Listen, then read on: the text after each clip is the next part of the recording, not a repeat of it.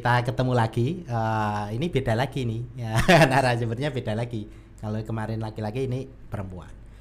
Nah, ini kita mulai uh, waktunya harinya Jumat. Kalau hari kemarin hari apa ya? Kamis. Kamis. Wah, ini selisih satu hari. Oke, uh, menyapa teman-teman di rumah, teman-teman di studio dan teman-teman di mana pun berada, kita bertemu lagi dalam Volunteer Corner Mitra Wacana yang akan saya pandu uh, bersama tamu kita ini. Kita perkenalkan dulu ini. Mbak siapa namanya? Anis Novitasari. Oh, Mbak Anis Novitasari. Iya. Ini temannya yang kemarin. Yang kemarin iya. namanya siapa? Cari sendiri di, di YouTube. ya, panggilannya siapa ini, Mbak? Anis, Mas. Uh, Mbak Anis. Iya. Oke. Mbak Anis ini mahasiswa atau bekerja atau masih anak papi mami? masih anak papi mami, bekerja juga, kuliah juga. Oke. Iya. Berarti kita akan membahas itu aja ya? Uh, boleh. Jadi temanya kita akan membahas apa tadi? Uh, sekolah itu, ya, kerja, ya. sama organisasi, ya mahasiswa. Kalau nggak organisasi terlibat organisasi nggak gayeng kurang, dong. Iya betul, nah, kurang gitu. gayeng, kurang ini, greget. Uh, kita akan membahas tiga tema itu. Jadi ya. Membagi waktunya gimana itu? Ya. Mahasiswa kok wis mahasiswa, kuliahnya banyak, tugasnya banyak, lalu kerja sekalian. Kan banyak itu mahasiswa yang juga kerja. Tetapi masih aktif organisasi juga. Wah ini menarik ini. Nah, karena yang dulu banyak juga mahasiswa itu pokoknya kuliah kos kuliah kos. Ya. main game, main game. nah ini kita akan um, membahas bareng ini bersama Mbak Anis. Ini mahasiswi Win Sunan Kalijaga benar ya? Iya benar sekali. Jurusan Komunikasi Penyiaran Islam. Komunikasi Penyiaran Islam. Ya. Oke, ini berarti semester berapa? Semester 7 Semester 7. Iya. Oke, berarti udah mau selesai ya? Insya Allah. Oh insya Allah kalau nggak molor. Kalau nggak, kalau molor ya berarti udah akan cepat selesai gitu. Amin. Oke, oke. Uh, mungkin cerita dulu ini uh, asalnya dari mana, lalu kenapa dulu kok pengen kuliah iya. eh uh, uh, kuliah apa kuliahnya di Uin. Jogja iya. UIN ambil jurusan itu lalu kok wah kok pengen kerja atau memang butuh uh, memang kebutuhan iya. atau memang pengen aja oh, iya. ben pengalaman atau gimana nah, ini monggo cerita-cerita dulu oke ya sebelumnya mungkin terima kasih kepada Mas Sugeng telah menerima atau mungkin memanggil saya sebagai salah satu partner podcastnya pada siang hari ini. Uh, saya Anis Novitasari tadi sudah sempat kenalan mahasiswa UIN Sunan Kalijaga Yogyakarta. Jurusan komunikasi dan penyiaran Islam asalnya dari Gunung Kidul Mas. Pelosok? Sama gitu sama oke. Okay. Larang Banyu. Uh, okay. tempatku belum. Belum. Ya sedikit cerita. Kenapa kenapa bisa kuliah sambil kerja dan aktif organisasi. Uh, dilihat dari sebenarnya awalnya saya tuh nggak pengen kuliah mas, cuman karena orang tua saya ibu udah nggak ada, uh. tinggal bapak kan, jadi saya mending lulus SMA dulu, aku udah kerja gitu, udah kerja, udah sempet ya sedikit sedikit membantu orang tua gitu nah okay. rasanya gimana sih ya rasanya udah membantu orang tua kan seneng gitu ya mas walaupun yeah. cuma katakanlah seribu dua ribu tapi udah pernah ngasih uang ke orang tua tuh ya seneng gitu loh yeah. ketika itu uh, saya emang nggak mau kuliah gitu Sem sempet pengen punya niatan kuliah cuman uh, di nanti dululah sekarang ibu kan nggak ada gitu ibu udah nggak ada aku harus fokus gimana caranya aku bantu ayah buat ya paling nggak ngeringanin beban orang tua kayak gitu. Okay. tapi ternyata bapak saya tuh enggak kue kudu kuliah no kebiasaan carane bapak iso ngeragati kue kayak gitu. Okay. terus aku bilang enggak pak aku tak kerja dulu aja kayak gitu. Aku berhenti cukup, cukup lama sih satu tahun aku berhenti buat ya di samping aku kerja aku juga gimana caranya buat belajar lah dikit-dikit ilmu yang pernah dulu didapatin di SMA dipelajarin lagi siapa, siapa tahu besok bisa keterima lagi kuliah. Nah kayak oh, gitu berarti jeda dulu satu jeda tahun? dulu satu tahun okay. gitu. Emang niatnya kan nggak mau kuliah gitu. Okay. ya. Singkat cerita udah udah ngobrol panjang lebar sama orang tua. Ternyata orang tua sangat dukung uh, aku buat kuliah. Ya alhamdulillah. Setelah satu tahun aku berhenti kuliah uh, aku berhenti sekolah dan aku gimana caranya biar bisa kuliah aku alhamdulillah nyoba sih mas. Sebenarnya tuh nggak ada niatan gitu buat masuk ke UIN gitu. Hmm. menurut buat aku tuh aku masih belum ini belum ada kesan apa-apa gitu buat hmm. masuk ke UIN soalnya ya banyak berita simpang siur yang ya kayak gitulah dulu UIN kayak gini kayak gini. Cuman aku alah nggak apa-apa lah Bismillah nyoba kayak gitu. Alhamdulillah dengan usaha yang satu tahun aku laku aku lakukan ikut ini ikut itu hmm. Alhamdulillah keterima kayak gitu satu tahun itu bapak udah pergi ke Jakarta, udah merantau ke Jakarta, ikut nah. om di sana, bekerja di sana. Uh, akhirnya aku keterima kuliah dan kenapa sih aku lebih ke enggak yang udahlah aku kuliah aja gitu. Kan aku masih punya ayah gitu. Cuman aku tipe orang yang semenjak ibu nggak ada tuh nggak bisa kayak gitu gitu loh mas. Aku hmm. ya gimana caranya aku harus bisa bantu orang tua. Paling enggak aku uang jajanku tuh bisa nyari sendiri kayak gitu. Dari semester hmm. awal uh, emang sengaja aku ikut uh, organisasi yang di mana organisasi itu cukup mendukung aku di kampus dan di luar kampus gitu.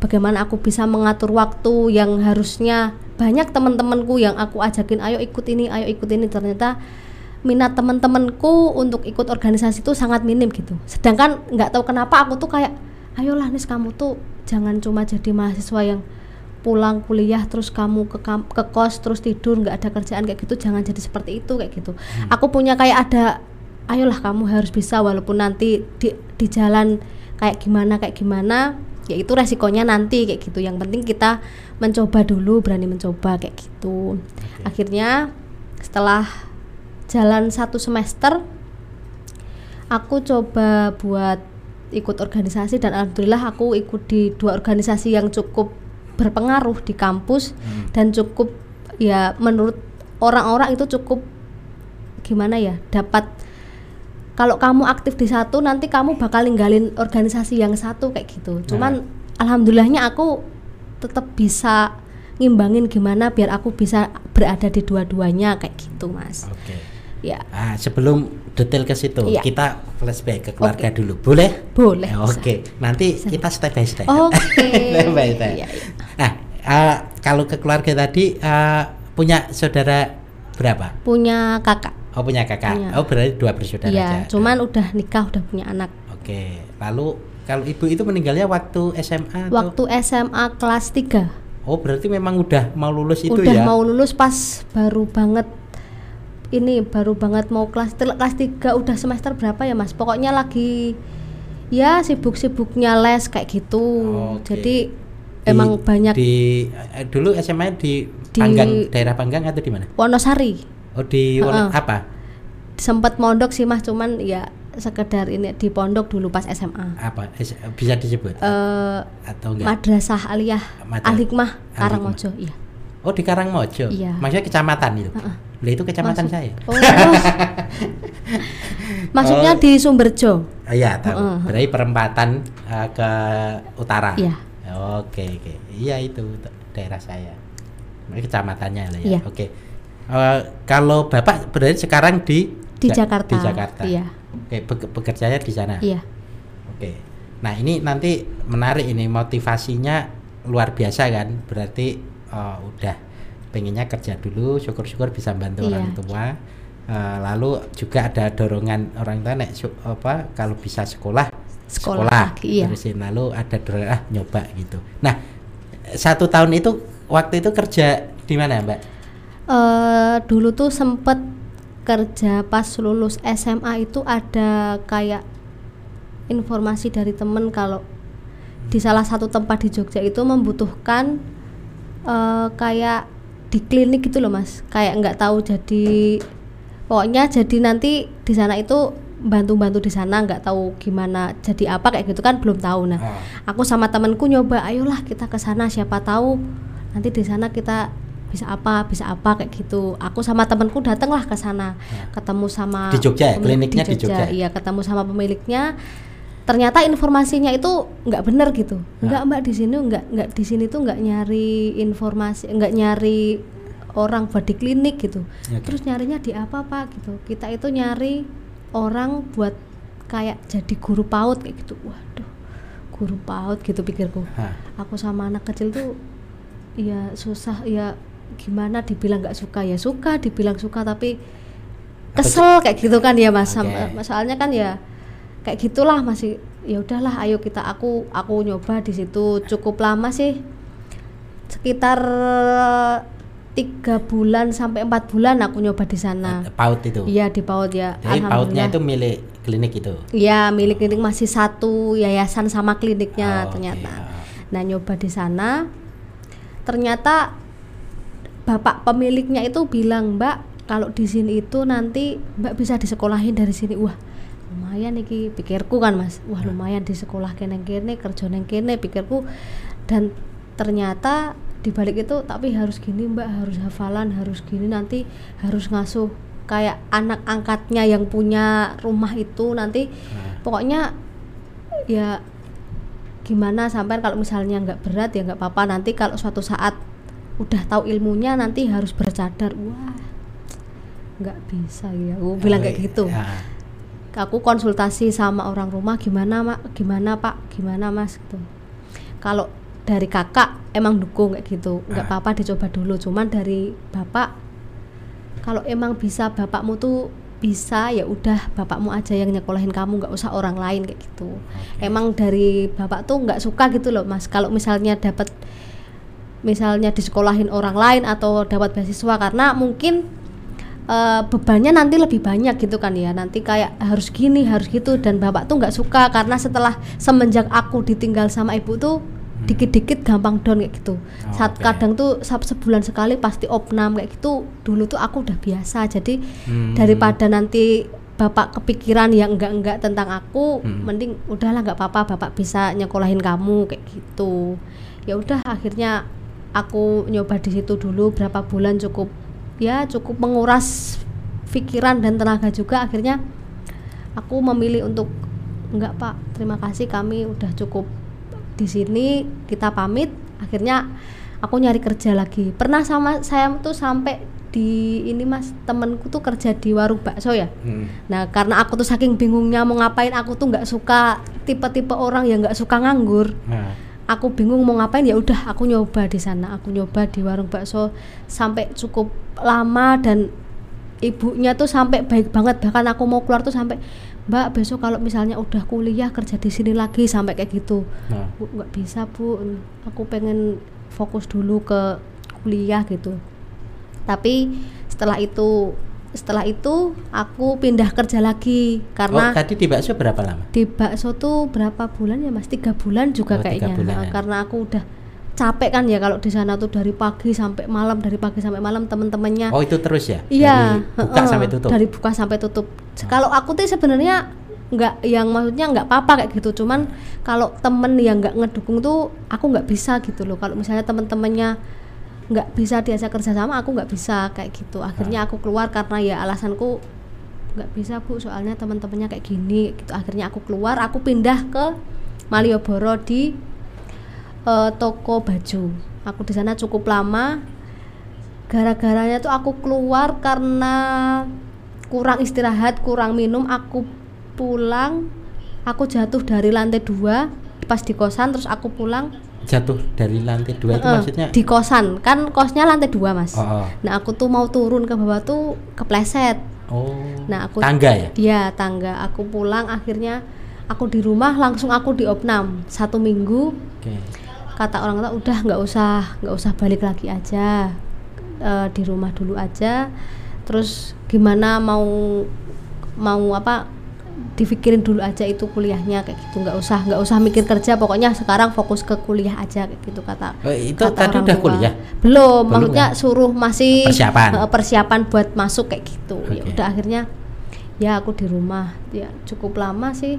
Tadi berapa lama waktu di toko? Cuma bentar sih mas dua bulanan. Soalnya ya nggak nggak nyaman aja. dua bulanan. Ah, dua bulan Oke, aja. dua bulan. akhirnya ya udah keluar kayak gitu. Terus sempet nah ini pas agak ini apa namanya ya mas terkesan banget sih buat aku tuh pas ketika aku mau masuk kuliah Mm-mm. mau masuk banget pokoknya tuh kan kalau di UIN tuh banyak uh, pendaftaran-pendaftaran kayak UMPTKIN kayak gini kayak gini nah aku okay. tuh pas mau daftar UMPTKIN huh? uh, kebetulan tuh nggak tahu kenapa aku tuh malam-malam udah posisi aku udah tidur tuh aku keinget motorku masih di luar gitu. Oh motorku belum tak masukin gitu. Posisi aku lang baru bangun langsung ngambil motor ya naikin motor tuh aku jatuh. Yang kepleset tadi itu? Bukan. Oh, beda lagi. itu udah udah cukup lama di rumah dan aku jatuh. Itu kan rumahku tuh ada tangga gitu ya. Ha. nah aku tuh kebentur katanya. Cuman aku kan posisi aku jatuh udah nggak sadar kayak gitu. Aku langsung dibawa ke rumah sakit. Dibawa ke rumah sakit di yang deket rumah tuh udah nggak nerima mas. Maaf dari sini udah nggak nerima. Ini udah harus dibawa ke dirujuk ke rumah sakit yang lebih besar katanya. Hmm. aku agak dengar kenapa perasaan aku tuh nggak ngerasain apa-apa gitu pikirku. Akhirnya aku dibawa ke rumah sakit di Bantul. Dan di sana tuh aku udah nggak sama bapak kan udah posisi udah di Jakarta. Yeah. aku cuma sama kakak dan sama mbah. Dan ya rasanya tuh bener-bener ini banget aku nggak tahu tiba-tiba aku diinfus gitu kata kakakku nggak apa-apa nanti istirahat dulu di sini aku curiga ya pak aku tuh nggak nggak ngerasain apa-apa kok iya tiba-tiba aku diinfus pikir kayak gitu hmm. keesokan hari eh dua harinya tuh dokternya visit ke kamar terus bilang hmm. gini Mbak Anis ini ya jangan banyak gerak dulu gitu. kenapa dok gitu Mbak Anis tuh di kepalanya ada pendarahan gitu. Waduh. Nanti kalau misalnya Mbak Anis banyak gerak nanti bisa dioperasi posisi aku jauh dari orang tua hmm. cuma ada kakak dan kakak pun nggak standby di situ gitu loh mas cuma hmm. nenek dan posisi aku udah mau kuliah aku bener-bener down banget Sumpah Oh itu udah diterima atau baru daftar? Baru mau daftar mah baru udah mau ujian satu minggu sebelum ujian itu. Oh itu satu minggu sebelum Satu minggu sebelum. Gila sih ini gimana? Aku udah kepikiran banget. Aku nggak mungkin lah ngasih tahu bapakku posisi aku kayak gini. Pasti bapakku bakalan khawatir banget gitu kan pikirku. Aku dikasih tahu sama kakakku jangan bilang sama bapak dulu. Besok kalau udah pulang baru bilang kayak gitu. Nah itu kenapa makanya kenapa aku tuh termotivasi banget nih. Aku pengen kerja tapi aku juga harus fokus kuliah dan aku juga harus bisa organisasi kayak gitu dari banyaknya kendala-kendala yang aku alami selama di awal ibuku selama kurang lebih tiga tahun dulu pas aku mondok. Ibuku sering keluar masuk rumah sakit bapakku juga. Terus aku setelah lulus dari SMA aku masih banyak banget kendala yang harus aku hadapi. Itu menjadikan aku motivasi gitu loh mas. Kenapa aku harus ayolah kamu tuh harus bisa kayak gitu. Banyak orang yang lebih nggak mampu daripada kamu gitu. Banyak orang yang lebih di bawah kamu kayak gitu. Tapi di sisi lain juga aku nggak kuat ketika teman-temanku kayak gini bisa kayak gini sama orang tua bisa apalagi ketika ada masalah dia itu bisa hmm, kayak cerita sama ibu gitu sedangkan aku nggak apa-apa kamu aku yakin kamu bisa kayak gitu ya sedikit cerita gitulah mas ah. pas ketika di rumah dulu kayak gitu ah. ya itu aja mungkin mas uh, ada yang apa gitu oke okay. Ini dari terbawa anu ini. Iya jadi terbawa suasana. Suasana. Tapi menarik saya kira ini baru belum masuk yang kuliahnya ya iya tadi. belum. Nah, tadi mungkin bisa di ini. Pas kan sakit tuh tadi. Yeah, uh. seminggu sebelum ujian. Akhirnya yeah bisa ujian atau gimana akhirnya nggak bisa mas. Oh, aku nggak bisa. bisa ujian nggak bisa ikut ujian UMPTKIN dan saat itu juga aku bener-bener down banget. Aku nggak tahu harus ikut apa kayak gitu. Akhirnya aku ayolah Bismillah nyoba. Aku nyari kebetulan masih ada satu jalur nih yang belum ditutup, belum ditutup nih. Aku nyari informasi nggak tahu. Pokoknya kalau aku tuh bukan tipe orang yang tak tuntun gitu loh mas. Hmm. Kue kudu iso dewe inisiatif ya? Oh, kue carane kue nek misalnya ono informasi beasiswa ya kue kudu golek dewe kudu aku sing golek ke gitu. Yeah. kakakku tipe-tipe orang yang kayak gitu nggak mau. Mau direpotin cuma aku yang harus berusaha kayak gitu loh mas. Akhirnya aku nyari informasi aku nyari pokoknya nggak tahu aku harus nyari di mana. Aku buka-buka web lah kayak gini. Akhirnya nemu lah yang itu mandiri jalur mandiri. Hmm. terus aku bilang mas iki jalur terakhir. Misalnya aku ora lulus wes aku ora rayakin aku bakal iso kuliah maneh. Aku, aku bilang kayak gitu sama kakak. Hmm. yo Bismillah nyoba. Akhirnya setelah ya aku ikut bimbingan buat ujian kayak gini buat ini buat ini. Akhirnya alhamdulillahnya aku bisa ikut ujian dan aku tuh kayak pas pengumuman keterimanya tuh aku belum buka gitu mas Tem mas temanku yang udah buka dan aku dikasih tahu dek kamu udah lolos. Hah? lolos apa pikirku kan? Hmm. udah lolos ini. Lo iya tuh aku langsung buka buka webnya. Ya Allah alhamdulillah. Aku tuh seneng banget dan nggak tahu aku tuh ya Allah aku ternyata nggak ada yang sia-sia gitu yang aku lakukan selama ini sampai aku ngerasain aku bener-bener down banget dan ternyata Tuhan tuh nggak nggak pernah tidur gitu. Ketika hambanya meminta tuh selalu memberi dalam waktu yang sesuai kayak gitu pikir. Ya Allah aku tuh seneng banget dan saat itu juga aku telepon bapak pak aku keterima di UIN alhamdulillah gitu Terus Bapak udah di Jakarta tuh? Udah, udah oh, di, udah Jakarta, di Jakarta. Oh, udah. Oh, memang sering di Jakarta. He -he, kan posisi aku sakit juga Bapak nggak pulang dan nggak dikabarin. Oh, berarti dan, yang di rumah itu kamu sama kakak aja sama-sama kakak itu. Akhirnya aku dikasih aku ngasih tahu ke orang tua. Alhamdulillah ya. Terus ditanya gimana gimana ini Pak biayanya segini segini segini. Ya udah nggak apa-apa gitu. Habis itu udah masuk nih, udah masuk kuliah. Hmm udah masuk kuliah kan belum tahu ya mas mau kos di mana kayak gitu. Hmm. ya namanya uh, mahasiswa baru tuh masih kayak gitu akhirnya nemulah kosan di daerah Gowo nih daerah Gowo. Akhirnya aku di sana tinggal di sana selama satu tahun lebih ya. Aku sampai dari semester 1 sampai hmm. semester 2 pas semester 3 itu aku tiap kali aku kuliah itu aku selalu jalan kaki aku tuh nggak pernah itu berapa meter atau kilometer dari kampus? Ya sekitar lima menit 10 menitan. Jalan kaki. Jalan kaki. Ya masih dekat gitu ya. Ya lumayan makanya terus ya udah bismillah lah aku jalan kaki sama temanku. Kadang pas dulu temanku belum ke kosan itu aku tuh sering sendiri kayak gitu. Oh, okay. Sering jalan sendiri. Kadang kan ya awal-awal awal-awal kuliah kan udah udah ikut organisasi nih udah ikut organisasi. Kadang sampai jam 9 baru pulang. Kadang masih jam 9 itu organisasi yang satu udah selesai rapat yang satu belum gitu.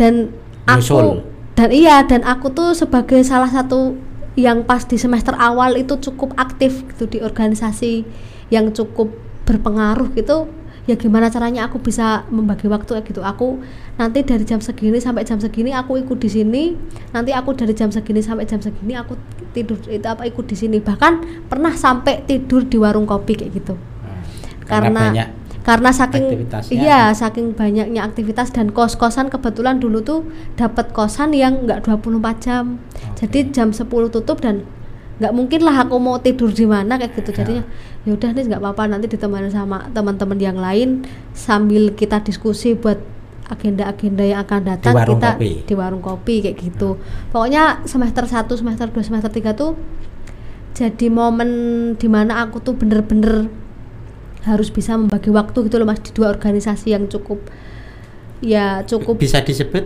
kalau mau disebut uh, agak ini sih mas. Oh ya nggak usah. nggak usah. Nggak usah. Nanti tidak malah gimana gitu. Ya okay. cukup ini.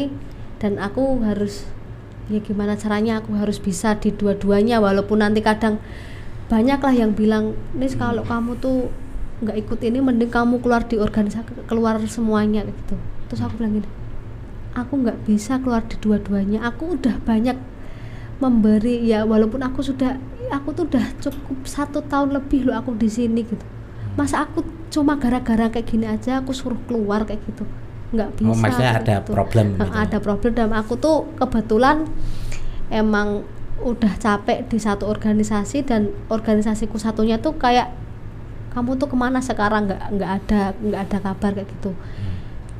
dan aku waktu itu oh iya aku ternyata ngelakuin kayak gini tuh salah kayak gitu ini udah pilihanku aku mengambil organisasi dan ya aku harus bertanggung jawab kayak gitu. Entah hmm. gimana caranya ya kamu harus bisa kayak gitu. Walaupun sampai malam pun ya itu sampai orang tua tuh dulu pernah bilang pokoknya jangan sampai pulang malam kalau kuliah gitu. Aku bilang iya nggak pernah lah aku pulang malam gitu. Tapi aku ketika sama kakak aku bilang aku pulang jam segini aku nggak tidur di kosan aku kayak gini kayak gini terus alhamdulillahnya tuh kak aku nggak apa-apa. Yang penting kakaknya tuh apa laki-laki perempuan? Laki-laki. Oh, laki-laki. laki-laki. Alhamdulillah yang ngedukung banget gitu nggak apa-apa. Yang penting itu buat bisa membantu kamu ketika di kampus ya nggak masalah kayak gitu. Hmm. Nah, ketika itu ya udah aku lanjutin aja gimana sebisa mungkin. Ya semampuku aku membantu ya aku membantu gitu loh mas. Nggak Hmm. nggak yang ya aku tipe-tipe orang yang kadang tuh kalau malas udah malas banget kayak gitu pokoknya kalau aku malas tuh aku mending off di dua-duanya dulu Hmm. aku tenangin diri dulu aku pergi entah ke mana sama siapa yang penting aku tenang dulu gimana aku bisa masuk lagi ke dua-duanya kayak gitu cuman kadang ada orang yang kayak ih orang nggak pernah aktif kayak gitu tiba-tiba aktif kayak gitu kan bikin kita jadi down ya mas Hmm. posisi kita tuh menghilang atau bahkan nggak aktif itu bukan karena kita tuh nggak ngapa-ngapain kayak gitu. Hmm. justru kita ketika pergi dari suatu tempat itu mencari tempat lain kita tuh kayak mencari gimana sih solusinya gitu biar kita bisa bersama-sama lagi kayak dulu kayak gitu. Cuman ya ketika orang udah udah kayak gitu ya udah down banget kayak gitu. Cuman ya enggak lah. Aku yakin aku bisa kayak gitu pelan-pelan. Ya dijalani dulu pelan-pelan. Hmm. dan ya alhamdulillah sampai sekarang juga masih. Masih Ya, aktif dua-duanya? Sekarang udah ini sih mas udah selesai di kepengurusan jadi udah oh sempat terlalu jadi pengurus berarti? Ya alhamdulillah sempat jadi pengurus di dua organisasi dan satu organisasi intra wilayah DIY Jawa Tengah Oke. di Forkomnas. Kebetulan juga ikut Forkomnas kan Forum Komunikasi Nasional itu. Hmm. alhamdulillah juga jadi pengurus di wilayah DIY Jateng. Jadi Oke. Ya. Apa ini? Jabatannya atau di posisinya? Humas. Humas ya? Mm-mm. semuanya atau beda-beda? Satunya di humas ada yang di apa itu mas? Eh divisi event. Hmm. terus ada yang satunya itu apa ya mas? Lupa aku. Soalnya udah udah selesai kayak gitu. Jadi ya yang masih cuma yang di luar yang di Forkomnas itu sama yang di kampus gitu yang lain sih udah udah udah selesai cuman ya masih kadang masih ada diskusi rutin yang sering itu Oke. Berarti anu ya, apa namanya? Sambil diminum air putihnya. air putihnya. sambil diminum dulu. Berarti eh, semester 1 sampai semester berapa terakhir di organisasi sampai ke kepengurusan selesai? Semester 6? semester, semester oh ya lim- Sem- pokoknya aktif-aktifnya tuh kan biasanya tuh kalau yang di itu semester 1 2 3 tuh kan kebanyakan organisasi tuh aktif pas awal gitu loh Mas. Maksudnya Ah. di awal emang aktif banget soalnya emang di itu pas kita itu di mana-mana bisa ikut gitu loh Mas. Kalau misalnya di udah di kepengurusan kan masih ada eh, reorganisasi buat yang lain tuh nanti ke backup sama yang bawahnya kayak gitu. Jadi Oke. kita nggak bisa berperan berperan aktifnya tuh juga nggak nggak secara langsung kayak gitu. Cuman pas di semester 1, semester 2, semester 3 emang bener-bener ngerasain capeknya organisasi dan pulang sampai malam kayak gini. Dan kebetulan tuh dulu masih kerjanya su masih online kayak gitu jualan online kayak gitu dulu masih masih kayak gitu jadi nggak nggak terlalu nyita waktu banget kayak Oke. gitu Oke, lalu eh, dulu waktu apa namanya semester 1 sampai 6 itu sudah bekerja juga atau enggak? Belum. Eh, semester 1 itu masih kerjanya online online shop gitu cuman jualan satu? sendiri heeh, semester Oh, 1 itu jualan jualan, sendiri. sendiri. gitu punya sendiri maksudnya ikut kakak kan jualan online kayak gitu Oke. nah ikut ngebantu kayak gitu terus aku di semester 3 karena aku ngerasa aku tuh jualan online tuh kayaknya nggak nggak berkompeten gitu kan mungkin belum aku belum ada keinginan buat lebih gitu jadi Nah, aku kerja di Sunmore Sunmore mana? Di UGM itu loh mas tiap hari minggu Iya. nah aku aku kerja di sana Hmm. itu cukup lama sih Itu ya apa kalau di Sunmore? jaga stand tas Tas. Heeh. Oke. aku di sana cukup lama dan karena aku ngerasa kayak kan ada senior senior senior senior dulu itu kan Senior mana itu? senior yang kerja di sana Oh, oke. nah kan punya dua cabang awalnya tuh punya dua cabang nah ketika udah agak lama tuh mungkin agak kurang eh, eh, terus akhirnya cuma jadi satu cabang kayak gitu. Karena aku merasa aku orang baru nggak mungkin lah aku Hmm. masa iya aku orang baru terus malah ngeluarin yang lama kayak gitu. Nah mending aku mengundurkan diri mas. Aku udah mungkin eh, bisa dilanjut sama yang lain. Aku bilang kayak gitu dan aku mengundurkan diri pada semester berapa ya semester tiga itu pokoknya semester semester semester tiga tiga bulanan atau berapa gitu pokoknya nggak lama sih ya nggak terlalu lama sih mas di sananya Berarti berapa semester? Dua semester yang jualan tas? satu atau satu, satu semester Di semester tiga. Mm-mm, Oke. gitu Semester dua? semester 2 sih masih masih fokus ke online itu online Oh, masih ya, jualan online. eh, jualan online ikut pokoknya apa yang apa yang aku tuh pokoknya apa yang bisa menghasilkan uang tak jual kayak gitu. Pokoknya apa aja gitu. Kakakku ngasih suruh ini coba ini dijual ya. Temanku ngasih ini coba nih dianu ya kayak gitu. Pokoknya Tapi ada hasilnya. ya? tapi ya alhamdulillah sedikit sedikit ada hasilnya. Oke. gitu. Kalau terakhir eh, kerja atau sekarang ini juga masih? S- masih. Oh, kalau kalau ini sekarang? sekarang itu dari aku dari semester 5 semester Semester 5 lima. pokoknya aku berhenti nggak kerja tuh kayaknya semester 4 aja sih mas semester 4 aja aku bener-bener nggak nggak pengen kerja nggak pengen Fokus. ini pengen fokus dulu Heeh. pengen fokus ya ke organisasi lah pas itu baru awal-awal kepengurusan Hmm. pas banyak banyaknya event-event kayak di luar pas Forkomnas sering ke Bandung sering ke Wonosobo sering Oh, kayak berarti gini. dulu malah sering tugas luar Iya, kota dari organisasi ke itu ya? ke pertama tuh ke Purwokerto Heeh. terus ke Wonosobo terus terakhir kemarin tuh ke Bandung Ke Bandung. Heeh, rencana Terakhir tuh kemarin itu semester berapa? 6?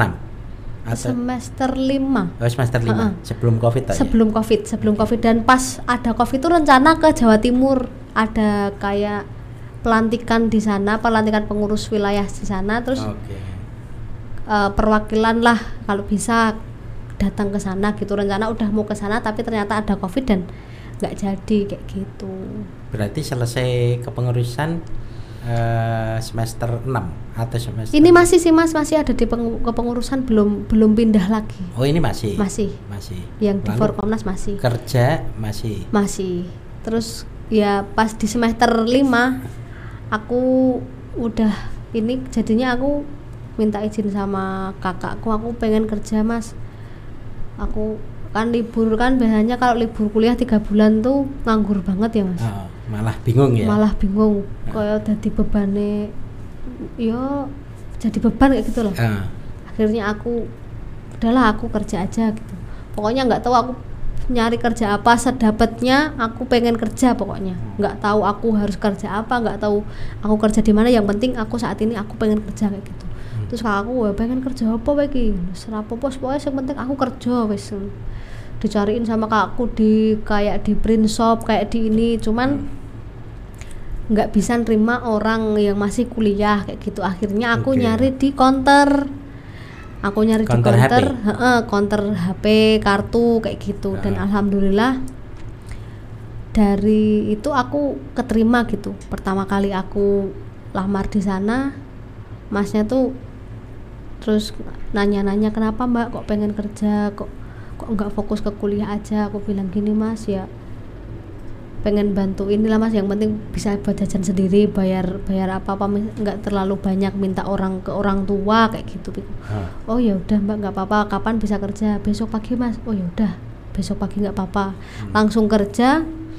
Dari semenjak itu alhamdulillah sampai sekarang udah hampir satu tahun masih Oh, di counter itu. masih di masih. counter, masih Berarti apa dekat kampus juga atau jauh? di Babarsari mas Oh, agak ke timur ya itu. iya Agak lumayan. Ya lumayan 10 menit paling Berarti dari udah berapa? Dua semester ya? Ada. iya Atau dari lebih? semester 5 pokoknya satu tahun lah mas Lima, enam, oh ya udah ini. Oh, udah Dan ini masih tahun. ya. dan ini jalan. masih alhamdulillahnya tuh bosnya juga memberi pokoknya percayalah sama kita yang udah awal di sana gitu Hmm. sama temanku mbak ini udah mau skripsi apa mau gimana? Kalau bisa jangan keluar dulu pokoknya ya masih disuruh di sana dulu masih bantu di sana dulu. Yeah. dan kemarin pas alhamdulillah pas magang tuh rencana emang punya niatan buat resign dulu gitu loh mas. Karena pengen fokus ke magang yeah. pengen fokus ke magang pengen fokus ke skripsi. Dan ternyata masnya bilang oh ya udah mbak Anis nanti cuti aja dulu kayak gitu. Nanti kalau udah selesai magang kalau ada selo waktu buat pas nggak magang nanti bantu ke sini bantu ke sini aja gitu yeah. oh ya alhamdulillah mas gitu nggak apa-apa gitu nggak apa-apa nggak apa-apa mbak gitu ya udah akhirnya selama satu tahun itu itu kan semester 4 limaan itu kan masih aktif kuliah juga hmm. nah sering dapat kuliah pagi nah. terus kadang sampai sore gitu terus kadang temen kok kue gelem tadi isih balik kuliah isih kerja kadang kue kuliah kok balik kerja kok kuliah mana gitu. Ya piye wong ya butuh ya aku bilang kayak gitu. Soalnya kan aku tuh dulu sering mutus tapi waktunya bisa dibagi-bagi. Bisa sering mutus-mutus kerja gitu loh mas. Maksudnya nah. kan yang penting tujuh jam gitu. Masnya bilang terserah mbak mau berangkat kerja dari jam berapa sampai jam berapa. Kalau ada misalnya ada kuliah hmm. nanti kuliah dulu nggak apa-apa. Kayak gitu. Nah alhamdulillah uh, aku tuh tiap kali misalnya masuk pagi dari jam 7 nih sampai jam 10 nanti kan itu dari jam 11 sampai jam 1 kadang masuk jam 1 jam 2 tuh off nih. Ha. nah aku dari jam 7 sampai jam 10 aku kuliah. Nanti dari jam 11 sampai jam 1 aku kerja mas. Oh, gitu. gitu aku kerja.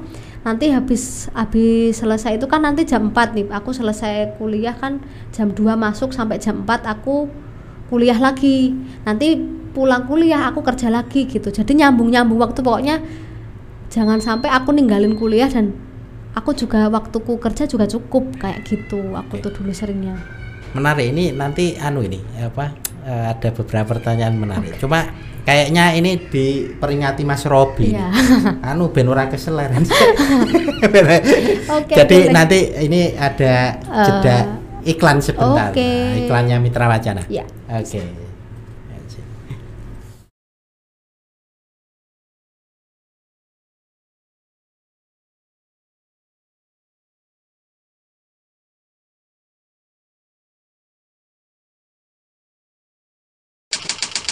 Berbicara seks di Indonesia masih sering dianggap hal tabu. Jarang sekali anak dan remaja bertanya pada orang tua maupun guru. Lantas, seberapa penting sih edukasi seksual bagi remaja di Indonesia? Survei yang dilakukan oleh pabrik kondom Durex Rakit Benkister terhadap 1.500 responden yang berasal dari lima kota besar di Indonesia menunjukkan bahwa 84% remaja di Indonesia belum pernah mendapatkan edukasi tentang seks. Padahal 33% responden mengaku pernah berhubungan seks hingga tahap penetrasi. Dampaknya cukup bikin geleng-geleng kepala. 53% tidak memakai kontrasepsi sebagai alat pencegahan. 57% responden tidak mengetahui lebih dalam mengenai penyakit menular seksual selain HIV/AIDS. Dan 55% lain menganggap HIV/AIDS mampu ditularkan lewat ciuman. Lantas, haruskah Indonesia berguru pada negara lain dalam upaya pendidikan seks pada anak dan remaja? Nah, ada baiknya kita lihat dulu nih negara-negara di dunia yang menerapkan edukasi seksual sejak dini pada anak-anak. Pertama, Norwegia. Negara dengan tingkat kemakmuran tinggi ini memberikan edukasi tentang seks melalui serial video yang tayang di televisi. Video ini ditunjukkan untuk mereka yang berusia 8 hingga 12 tahun.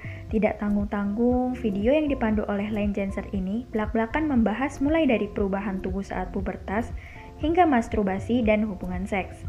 Kedua, Belanda memiliki edukasi seks yang dibagi menjadi tiga tahap. Tahap pertama saat anak berusia taman kanak-kanak, mulai diperkenalkan apa itu cinta. Kedua, saat anak-anak menuju remaja, dikenalkan untuk menghargai tubuhnya sendiri. Dan ketiga, saat sekolah menengah, remaja akan diperkenalkan tentang masturbasi, kontrasepsi, dan pernikahan dini. Walaupun terkesan terlalu dini, upaya ini sukses menekan angka kehamilan di usia muda loh. Ketiga, New Zealand. Di sini pendidikan seks dimasukkan ke dalam kurikulum sekolah loh. Pendidikan ini wajib untuk anak saat memasuki sekolah dasar hingga berusia 10 tahun. Jika dirasa kurang, pemerintah akan membuat program pendidikan tambahan. Nah, aturan ini sudah berlaku sejak tahun 1999. Keempat, ada Malaysia. Tetangga Indonesia ini mulai menerapkan edukasi seks secara dini pada anak-anak dan remaja. Pemahaman tentang perlindungan diri dan kesehatan reproduksi dimasukkan secara bertahap pada pelajaran-pelajaran pendidikan agama, kesehatan, biologi, dan sains. Sudah siapkah Indonesia sedikit mendobrak norma untuk mengenalkan persoalan seks sejak dini pada anak? Melihat urgensi edukasi seks, mungkin bisa mencoba tahap perkenalan seks sejak dini yang diberikan oleh UNICEF dan WHO. Level pertama pada anak usia 5 hingga 8 tahun. Pada usia awal, anak diajarkan mengenai peran keluarga secara dasar, lalu mengajak anak untuk berteman dengan siapa saja, mengekspresikan cinta seperti mengungkapkan aku sayang ibu. Kemudian memperkenalkan adanya perbedaan pada masing-masing individu dan menjelaskan mengenai pernikahan sebagai awal terbentuknya keluarga. Level kedua usia 9 hingga 12 tahun. Ketika anak sudah memahami peran pada keluarga, kenalkan adanya tanggung jawab masing-masing peran mengajak anak untuk ikut mengambil keputusan, serta memberikan arahan mengenai pertemanan yang sehat, hingga menjelaskan tanggung jawab pernikahan. Level ketiga yaitu usia pubertas, usia 12 hingga 15 tahun. Pada usia ini penekanan secara emosional perlu dilakukan. Muncul perubahan-perubahan diri seorang anak yang butuh untuk mendapatkan perhatian. Anak perlu mengetahui dampak sebuah pertemanan secara positif dan negatif hubungan seksual, anatomi tubuh, dan pembuahan. Pendidikan yang dapat menjelaskan dampak sebuah pertemanan secara positif dan negatif, seperti hubungan seksual, anatomi tubuh dan pembuahan, pelecehan, pernikahan dini, dan penggunaan alat kontrasepsi. Level keempat, usia 15 tahun ke atas. Pada usia ini, anak dirasa sudah lebih dewasa untuk memahami mengenai adanya hamil pranikah, orientasi seksual, serta kondisi lingkungan dalam menghadapi keduanya. Anak juga diberikan kebebasan untuk memilih tetap dalam lingkup norma yang ada, menjelaskan mengenai hukum dari kekerasan dan pelecehan seksual hingga tantangan dalam sebuah pernikahan. Penting untuk menjelaskan kepada anak dengan menyertakan alasan serta tidak menghakimi. Yuk cari tahu lebih banyak, kenali resikonya, hindari bahayanya.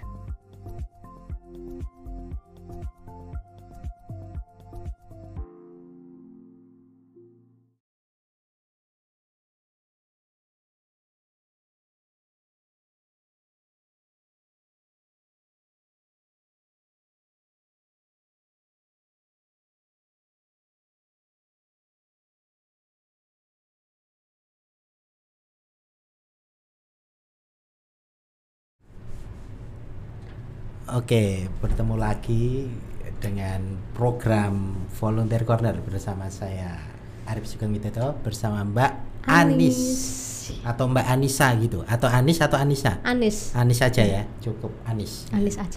Oke.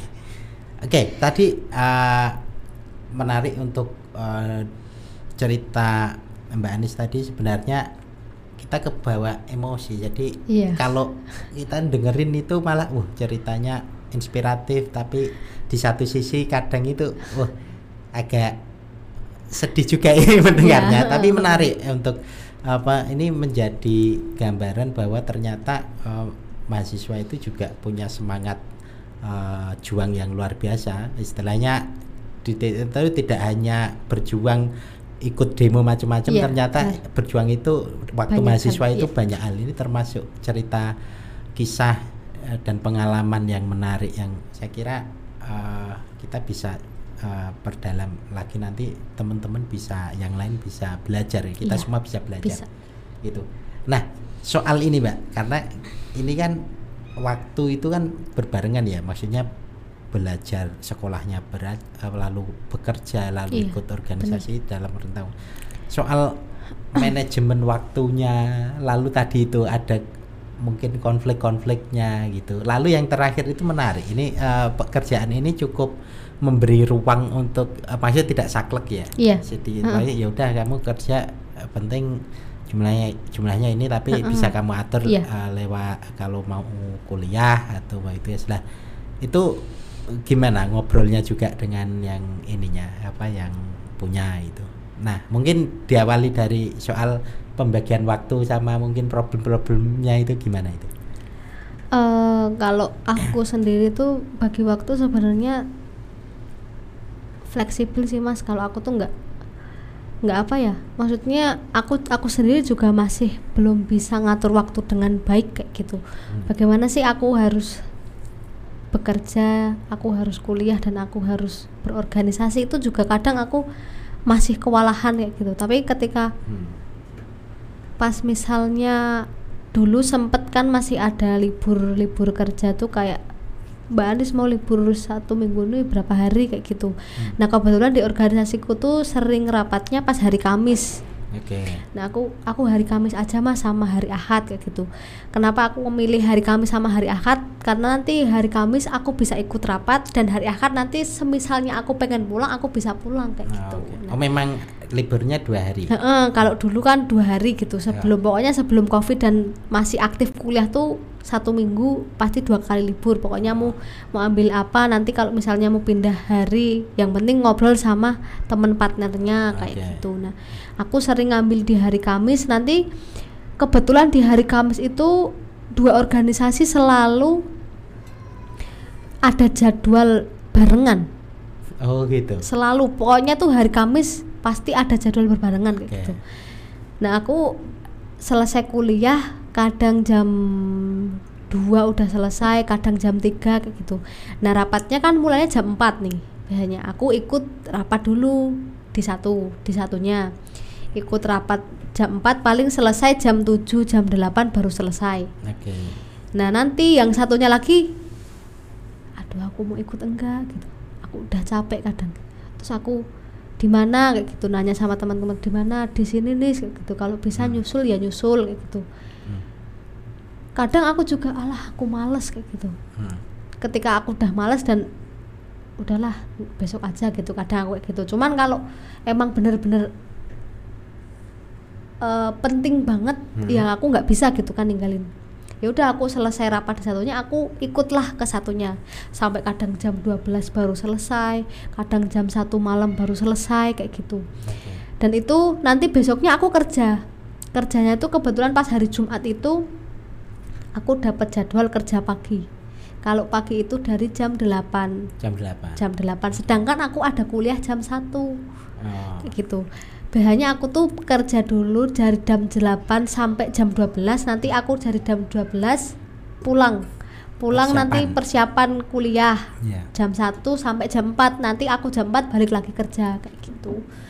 Ya kayak gitu terus mas. Pokoknya siklusnya gimana? Ada waktu yang slow kalau misalnya aku bisa kerja aku kerja. Kalau misalnya aku bisa ikut organisasi aku ikut organ- organisasi kayak gitu.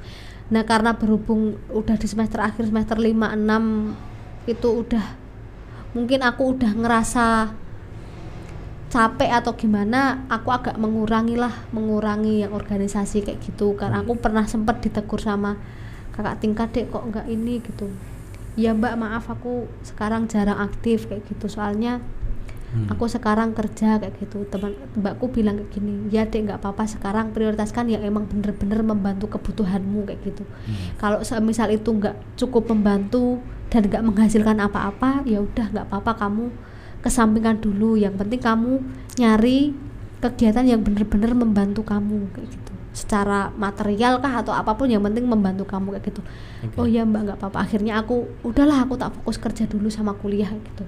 Semisal aku ada waktu buat organisasi aku ikut organisasi sesekali dua kali kumpul atau sekedar sharing-sharing atau sekedar ikut rapat kayak gitu ya masih sering ikut kumpul cuman nggak seintens dulu pas semester awal kayak gitu sih mas. Jadi kalau pas susahnya tuh ketika kuliah sama kerja tuh nggak ada apa ya kalau misalnya pas kerjanya siang pas eh kerjanya pagi terus aku masuknya aku harus gimana kayak gitu. Jadi aku harus aku selesai kuliah jam segini aku kerja dulu tiga jam nih misalnya. Nanti aku lanjut lagi ya mas dari habis ini aku kerja lagi jam segini nah berhubung alhamdulillah tuh ini apa namanya ownernya tuh bener-bener tahu gitu loh mas posisi kita sebagai anak kuliahan anak organisasi hmm. tuh alhamdulillahnya tuh tahu banget gitu soalnya kebetulan mahnya juga dulu juga kuliah jadi tahulah gimana Ngerti anak ya? eh, anak kuliah itu kalau misalnya kerja itu buat apa aja terus gimana ngatur waktu itu juga tahu kayak gitu. Jadi diberi kebebasan gitu. Nggak apa-apa mbak kamu mau mau kerja jam berapa aja nggak apa-apa. Yang penting 7 jam kayak gitu. Misalnya Mbak Anis nih mau berangkat kerja dari jam 8 sampai jam 10 gitu, katakanlah. Nanti berangkat lagi dari jam maghrib sampai tutup nggak apa-apa. Yang penting bisa ngatur waktu aja mbak bisa komunikasi sama teman-teman yang lain dan alhamdulillah selama pas masih aktif-aktif kuliah semester 5 6 tuh nggak ada kendala gitu loh Mas. Hmm. Kerja juga balance, hmm. uh, kuliah juga nggak keganggu. Hmm. Organisasi juga walaupun sedikit-sedikit juga tetap bisa ngikutin kayak gitu. Alhamdulillahnya juga karena teman-teman juga tahu kalau kerja dan sering ngobrol juga aku kerja jadi sekarang aku nggak bisa terlalu fokus sama organisasi gitu. Ya nggak apa-apa nih kayak gitu. Aku tahu kayak gitu. Dan kerja pun alhamdulillah juga bisa ngerti keadaan kayak gitu. Jadi ya alhamdulillah sampai sekarang masih bisa balance. Ada sih mas nggak ada konflik paling karena sering nggak ya apa ya ngilang-ngilangan gitu loh mas nggak hmm. pernah datang kalau rapat misalnya sering sesekali pernah nggak datang atau pas lagi dibutuhin dicari susah kayak gitu ya yeah. biasa hmm. kayak gitu cuman ya itu menjadi ini banget apa sih pembelajaran banget gimana kamu harus teman-temanmu tuh yang butuh kamu tuh nggak cuma satu dua orang kayak gitu aku kadang cuma mikir cuman banyak orang yang entah itu butuh kamu dalam hal apa pun tuh banyak orang yang membutuhkan kamu kayak gitu. Aku juga kadang kayak gitu. Malah itu memotivasi juga hmm, ya? memotivasi ketika aku aku tuh susah dicari sama teman-temanku tapi aku kadang bilang gini kamu itu banyak yang nyariin kayak gitu. Jangan jangan kayak gini terus kayak gitu. Cuman aku juga butuh istirahat kayak gitu hmm. aku juga sering kayak gitu sih kadang hmm. kalau enggak aku koordinasi sama satu orang yang emang bener-bener aku percaya aku kasih tahu aku nggak bisa ikut karena gini gini gini aku nggak bisa karena gini gini gini oh iya nggak apa-apa nanti aku sampaikan sama teman-teman kayak gitu ya terima kasih pokoknya salam lah buat teman-teman kapan-kapan aku pengen kumpul bareng sama teman-teman. Ya alhamdulillah mereka ketika aku ada udah lama nggak ada dan aku muncul lagi tuh mereka tetap welcome kayak gitu loh mas. Nggak ada yang ih kok kamu lama nggak ada? Untung untungnya tuh teman-temanku ya emang welcome banget kayak gitu sama aku. Jadi ketika aku pun ada masalah ya aku kembali ke ke mereka kayak gitu loh. Ada orang yang bener-bener ayolah nis kamu tuh bisa kayak gitu. Selalu ada orang yang ya alhamdulillahnya orang-orang baik itu selalu ada gitu loh mas okay. ah tadi itu menarik saat mm.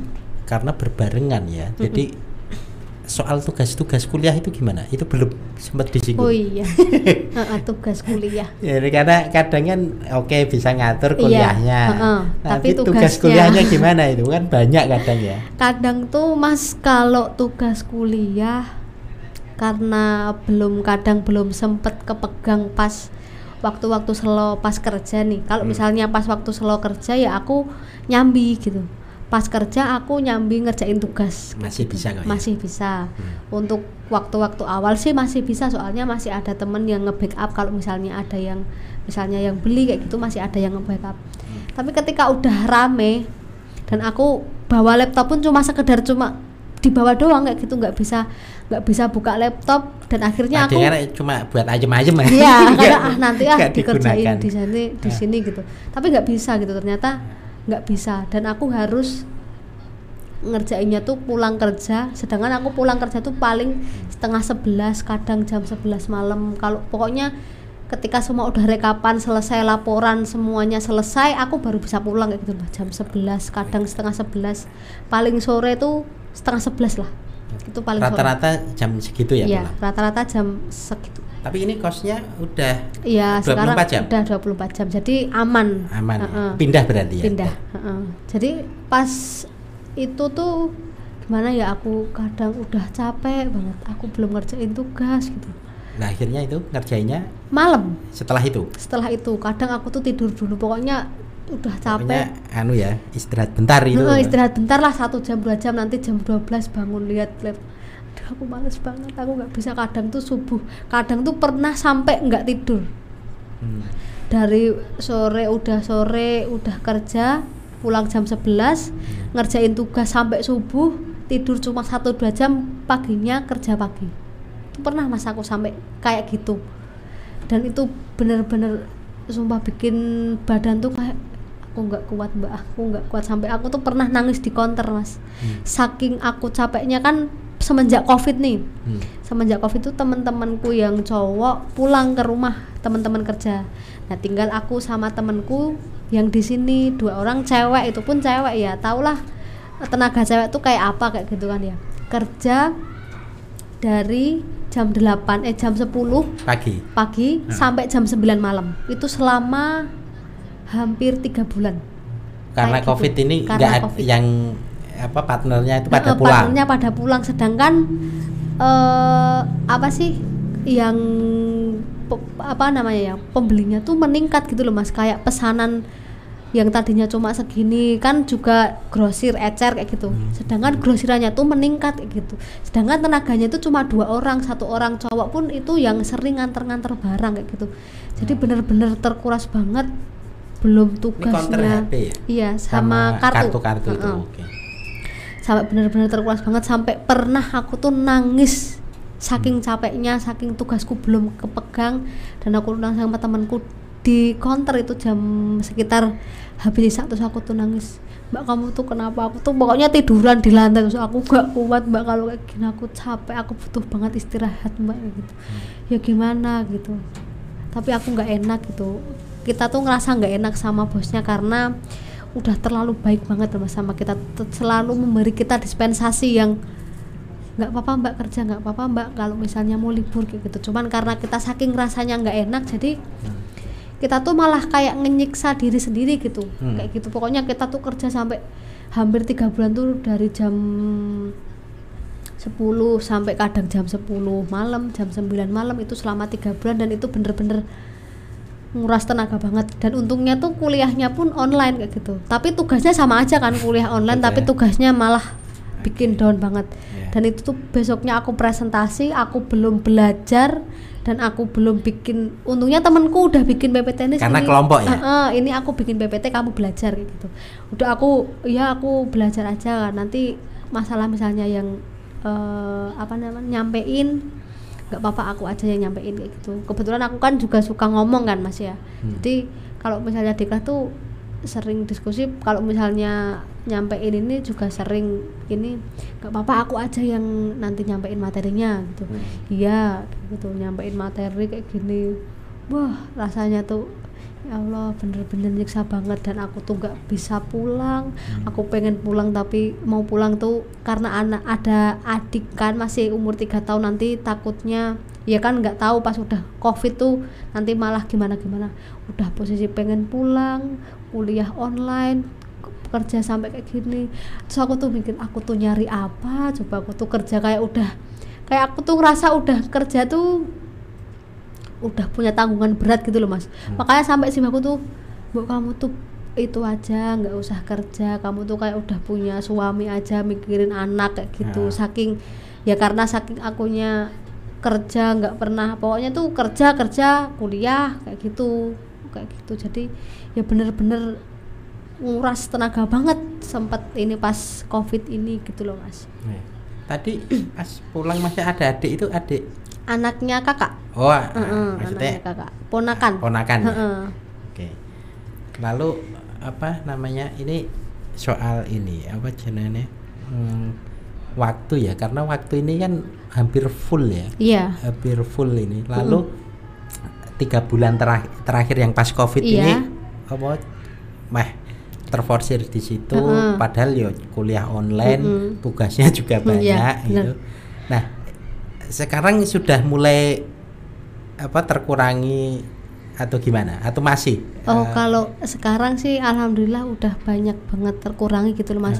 Dari organisasi sendiri pun udah banyak yang selesai. Jadi tinggal hmm, dikit lah dua tinggal dua kepengurusan yang belum demis jadi ya udah cukup cukup lah mengurangi gitu Iya. jadi masih masih cuman tinggal kerja sama kuliah pun sekarang kan hari Jumat tok. Hmm. jadi ya paling tugasnya kalau semester akhir skripsi lah judul ngajuin Oh ini judul udah kayak gini. mata kuliah udah jadi udah habis, habis kayak ya, gitu. Heeh, tinggal skripsi. Iya bener. Jadi nggak terlalu ini banget gitu. Malah sekarang tuh kayak kayak slow banget gitu loh mas. Slow. dan ketika slow pun aku aku pengen nambah kerja lagi ya gitu. Temanku nawarin aku mbak mau kerja nggak mbak di mana dek di sini di warung kopi dari jam berapa jam 12 malam sampai jam 4 aku mikir aku kerja dari jam 8 sampai jam 3 misal terus aku malamnya kerja lagi sebenarnya nggak apa-apa sih Hmm. tapi kuat nggak ya kayak gitu aku Karena kopinya 24 jam. itu. Iya, kopinya 24 jam. Terus aku sempat ditawarin sama temenku kayak gitu. Aku pengen nyoba tapi aku takut nanti malah ganggu pokoknya ganggu semuanya ya. Posisi juga sekarang lagi magang juga kan mas. Jadi udahlah aku tak fokus sekarang tak aku fokus ke magang dulu sama kerja. Nanti kalau misal ya sekarang sih aku ini sih mas lebih lebih ke santai sekarang. Nggak Skripsi terlalu udah nyicil? Skripsi alhamdulillah belum seminar proposal atau apa? seminar proposal ini baru proses pengajuan judul sih mas cuman Semester ini semester ini ha. sem- seminar tapi Iya, kemudian enggak ada seminar tahu. kan atau gimana? ada semester ini ada mata kuliah seminar komunikasi cuman Oke. masih proses pengajuan judul kayak gitu jadi ya alhamdulillah udah aku ngerasa udah ngelewatin banyak banyak banget hal yang bener-bener buat aku kamu harus up terus kayak gitu nggak boleh kayak gini nggak boleh. Pokoknya kamu nggak boleh jadi Anis yang dulu kayak gitu. Yang dulunya kamu ya emang dari dulu bukan tipe-tipe orang tipe-tipe anak yang dimanja sama orang tua sih mas. Maksudnya pak aku pengen ini pak aku pengen itu ma aku pengen ini. Nggak nggak yang kayak gitu. Jadi emang dari didikan orang tua dari dulu emang udah kamu tuh harus jadi orang yang mandiri kayak gitu. Harus bisa apa-apa kayak gitu. Kamu nggak selamanya bakal sama orang tua. Kamu besok bakalan nikah dan kamu bakal ikut mertua dan kamu juga harus mempersiapkan itu semua dari awal kayak gitu. Emang udah dididik dari orang tua sejak dini kayak gitu. Pokoknya didikan orang tua tuh bener-bener di aku tuh ngerasa tuh pas aku udah gede gitu loh mas. Pas ibu udah nggak ada tuh aku ngerasa oh iya bener juga kayak gitu. Ibu tuh dulu ngasih tahu aku Hmm. emang ya bener banget ya gitu. Jangan pernah orang itu jangan suka melihat ojo sok seneng delok sengenge gitu kata ibuku dulu. Soalnya nek sengenge iku panas nek didelok Sulap. sulap.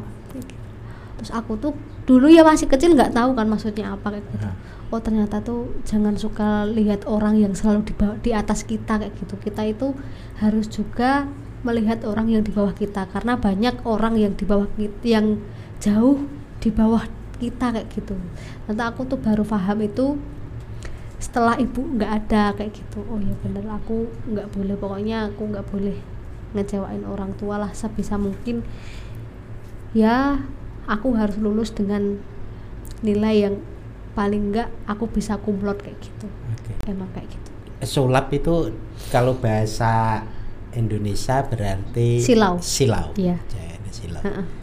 Nah, ini tadi soal membanggakan orang tua. Nilainya gimana itu? Berproses dengan banyak aktivitas kerja. Eh, macam-macam. alhamdulillah enggak alhamdulillah sih selalu di atas tiga lebih sih mas alhamdulillah Oke, Aman ya. alhamdulillah aman untuk saat ini pernah sekali dan tuh paling cuma uh, turun dikit gitu tapi alhamdulillah masih bisa di up terus kayak gitu ya semoga aja masih bisa besok lulus bisa ini sih mas kalau masalah nilai insya Allah nggak keganggu kayak gitu Oke, ini apa eh, saya kira luar biasa obrolan ini karena eh, pengalaman setiap individu kan beda-beda. Iya, mm. Pengalaman setiap individu itu beda-beda, setiap orang itu beda-beda. Banyak yang bisa kita pelajari di masing eh, orang ya. Makanya Iya, kadang kita ngobrol dengan siapa pun apa pun itu kadang mendapatkan Iya, pengetahuan, mendapatkan informasi yang bagus. Nah, kira-kira ini pesan buat teman-teman mahasiswa apalagi yang teman-teman SMA yang eh, mau kuliah lalu masih tarik ulur kuliah enggak ya atau mau kerja atau gimana mungkin punya pesan-pesan khusus uh, aku sih sering saudara-saudaraku kayak temen adik-adik sepupuku gitu kan juga hmm. banyak yang kuliah ketika dia nggak mau mbak aku nggak mau kuliah gitu. mbak aku udah capek gitu ngelakuin proses kayak gini. Aku daftar sana sini aku gak keterima. Terus aku bilang gini dek aku dulu lebih dari kamu. Kamu kamu tuh sekarang enak gitu. Ada aku yang bisa bantu kamu gitu. Aku dulu nggak ada gitu. Nggak ada orang yang bantu aku. Kakakku pun bantu aku. Ya sekedar nganterin ke kampus kayak gitu doang gitu. Nggak ngebantu buat ini itu kayak gitu pokoknya aku tuh selalu ngasih motivasi buat buat adik-adikku yang saudara-saudaraku juga tuh jangan sampailah kamu tuh kalau misalnya kamu punya niat buat kuliah seriusin kayak gitu. Jangan setengah-setengah gitu. Kuliah cuma setengah-setengah tuh rugi kayak gitu kan. Udah kuliah udah keluar ini biaya. itu, oh, keluar biaya nanti malah lalu nggak selesai. Iya nggak gitu. apalagi kalau nggak berorganisasi gitu kayak rugi banget gitu loh. Nah. Ada salah satu dari dosen di kampus tuh bilang gini. Sebenarnya kuliah itu yang penting organisasi kayak hmm. gitu. Masalah nilai itu nomor kesekian kayak gitu. Dosen yang bilang kayak gitu nah. sama terus aku bilang, "Oh iya ya, ternyata benar apa yang dikatain sama dosen itu emang organisasi itu sangat berpengaruh banget. Entah kita di dalam kampus ataupun di luar kampus gitu tapi kan perspektif orang kan beda-beda ya mas. Kalau aku lebih lebih ke nggak apa-apa lah aku organisasi masalah nilai nanti bisa di bisa pokoknya masalah nilai itu gampang gitu. Yang penting kita bisa berorganisasi dengan baik di mana gimana kita bisa membantu dengan baik. Aku yakin banyak jalan yang akan dicapai kayak gitu. Banyak hasil-hasil yang kadang tuh tidak tidak kita sadar itu mendapatkan hasil yang bener-bener oh ini selama ini aku tuh kayak gini dapatnya kayak gini gitu loh mas. Dapat hasil yang bener-bener nggak kita duga sama sekali kayak gitu. Pokoknya pesan buat teman-teman tuh apalagi yang masih kuliah apa masih mau masuk kuliah menye-menyenya gimana bimbang aku arah kuliah orang aku arah kuliah orang selagi kamu masih punya niat buat kuliah lanjutkan gitu. Banyak orang yang besok itu pasti membutuhkan kalian. Gitu. Gitu aja sih mas. Oke. Okay. sebelum ditutup saya pengen uh, tahu uh, itu tadi. Keuntungan organisasi ini kelupaan ini. Oh, keuntungan keuntungan. ikut organisasi sama apa tadi uh, kerja lalu itu ber, dalam rantuk waktu berbarengan itu gimana itu keuntungannya sekaligus ini sebagai kalimat atau pernyataan segment. penutup biar teman-teman termotivasi oh, iya. ternyata iya. dari dosen tadi malah kamu malah kuliah apa eh, berorganisasi karena itu bisa jadi bentuk karakter jaringan iya. macam-macam ya gimana kalau kerja pastilah mas keuntungannya dapat fee-nya kayak gitu ya itu keuntungan yang benar-benar nyata kayak gitu cuman ada keuntungan lain ya kayak gimana kita bisa belajar cara apa namanya uh, pemasaran yang baik tuh kayak gimana sih kayak gitu hmm. gimana cara ketika kita menghadapi customer yang kayak gini tuh gimana sih customer yang kayak gini tuh gimana sih itu juga aku dapat ketika aku kerja gitu juga banyak yang sering disampaikan oleh owner tuh banyak pokoknya banyak ilmu yang aku dapat di counter kayak gitu kan. Sedangkan kalau misalnya aku di organisasi lebih ke ini sih mas banyak link kayak gitu. Hmm. aku bisa mendapatkan temen tuh nggak cuma di dalam kampus aja kayak gitu. Hmm. aku bisa kenal sama orang sini aku bisa kenal sama orang sini aku bisa kenal sama anak kampus ini anak kampus ini. Ya karena aku ikut organisasi kayak gitu. Aku bisa jadi seperti ini aku bisa ikut kepengurusan karena mungkin karena aku ikut organisasi gitu. Sedangkan kalau misalnya aku nggak ikut organisasi ya pelongo pelongo kayak gitu loh mas. Hmm. nah ketika dan ketika berorganisasi pun membantu kita bagaimana publik kita itu bisa public speaking kayak gitu. Oh, aku itu tuh dulu, terlatih ya di ya, situ? Soalnya pasti kalau di organisasi itu ada vokal yang di mana kita harus menyampaikan pendapat kita kayak gitu. Hmm. ya entah via apa kayak gitu ya pasti dituntut buat uh, ya gimana kita bisa ngasih solusi atau ngasih masukan kepada yang lainnya kayak gitu. Itu yang bener-bener aku dapetin di organisasi gitu public speaking yang aku dulu tuh ketika di depan suruh maju suruh ngapain tuh aku udah grogi duluan dan aku pasti ngeblank ketika aku tuh maju dalam hal apa pun. Tapi ketika setelah aku ikut berorganisasi alhamdulillah juga pernah ikut lomba. Ya sedikit demi sedikit itu tuh terkurangi kayak gitu gitu sih mas yang aku dapetin di organisasi. Dan gimana caranya aku bisa membagi waktu tuh bener-bener belajar ketika aku ikut organisasi dan aku kerja dan kuliah ketika tabrakan itu. Pokoknya kamu harus bisa nge-backup semuanya dan alhamdulillah juga aku bisa. Oke, terima kasih Mbak iya. Anis ini pengalaman cerita kisah yang luar biasa. Saya kira ini uh, akan menginspirasi banyak orang.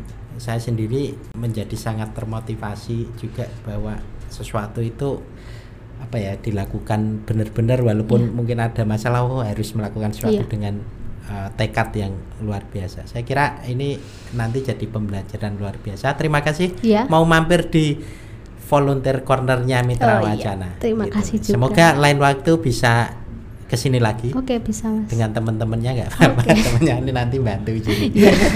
nah, Oke, okay, terima kasih uh, teman-teman sobat Mitra Wacana semua. Uh, kita sudah di penghujung acara. Uh, semoga minggu depan kita akan bertemu di volunteer corner selanjutnya. Ini program baru dari Mitra Wacana yang uh, memberikan ruang bagi siapa saja itu bisa berbagi informasi, pengetahuan karena uh, semua itu semua orang itu guru gitu katanya. Semua orang punya pengetahuan, punya informasi, pengalaman yang khas yang iya. itu sebenarnya layak untuk dibagikan menjadi pengalaman pengetahuan bersama. Terima kasih, Mari Mbak Anis. Iya. Uh, terima kasih semuanya. Assalamualaikum warahmatullahi wabarakatuh.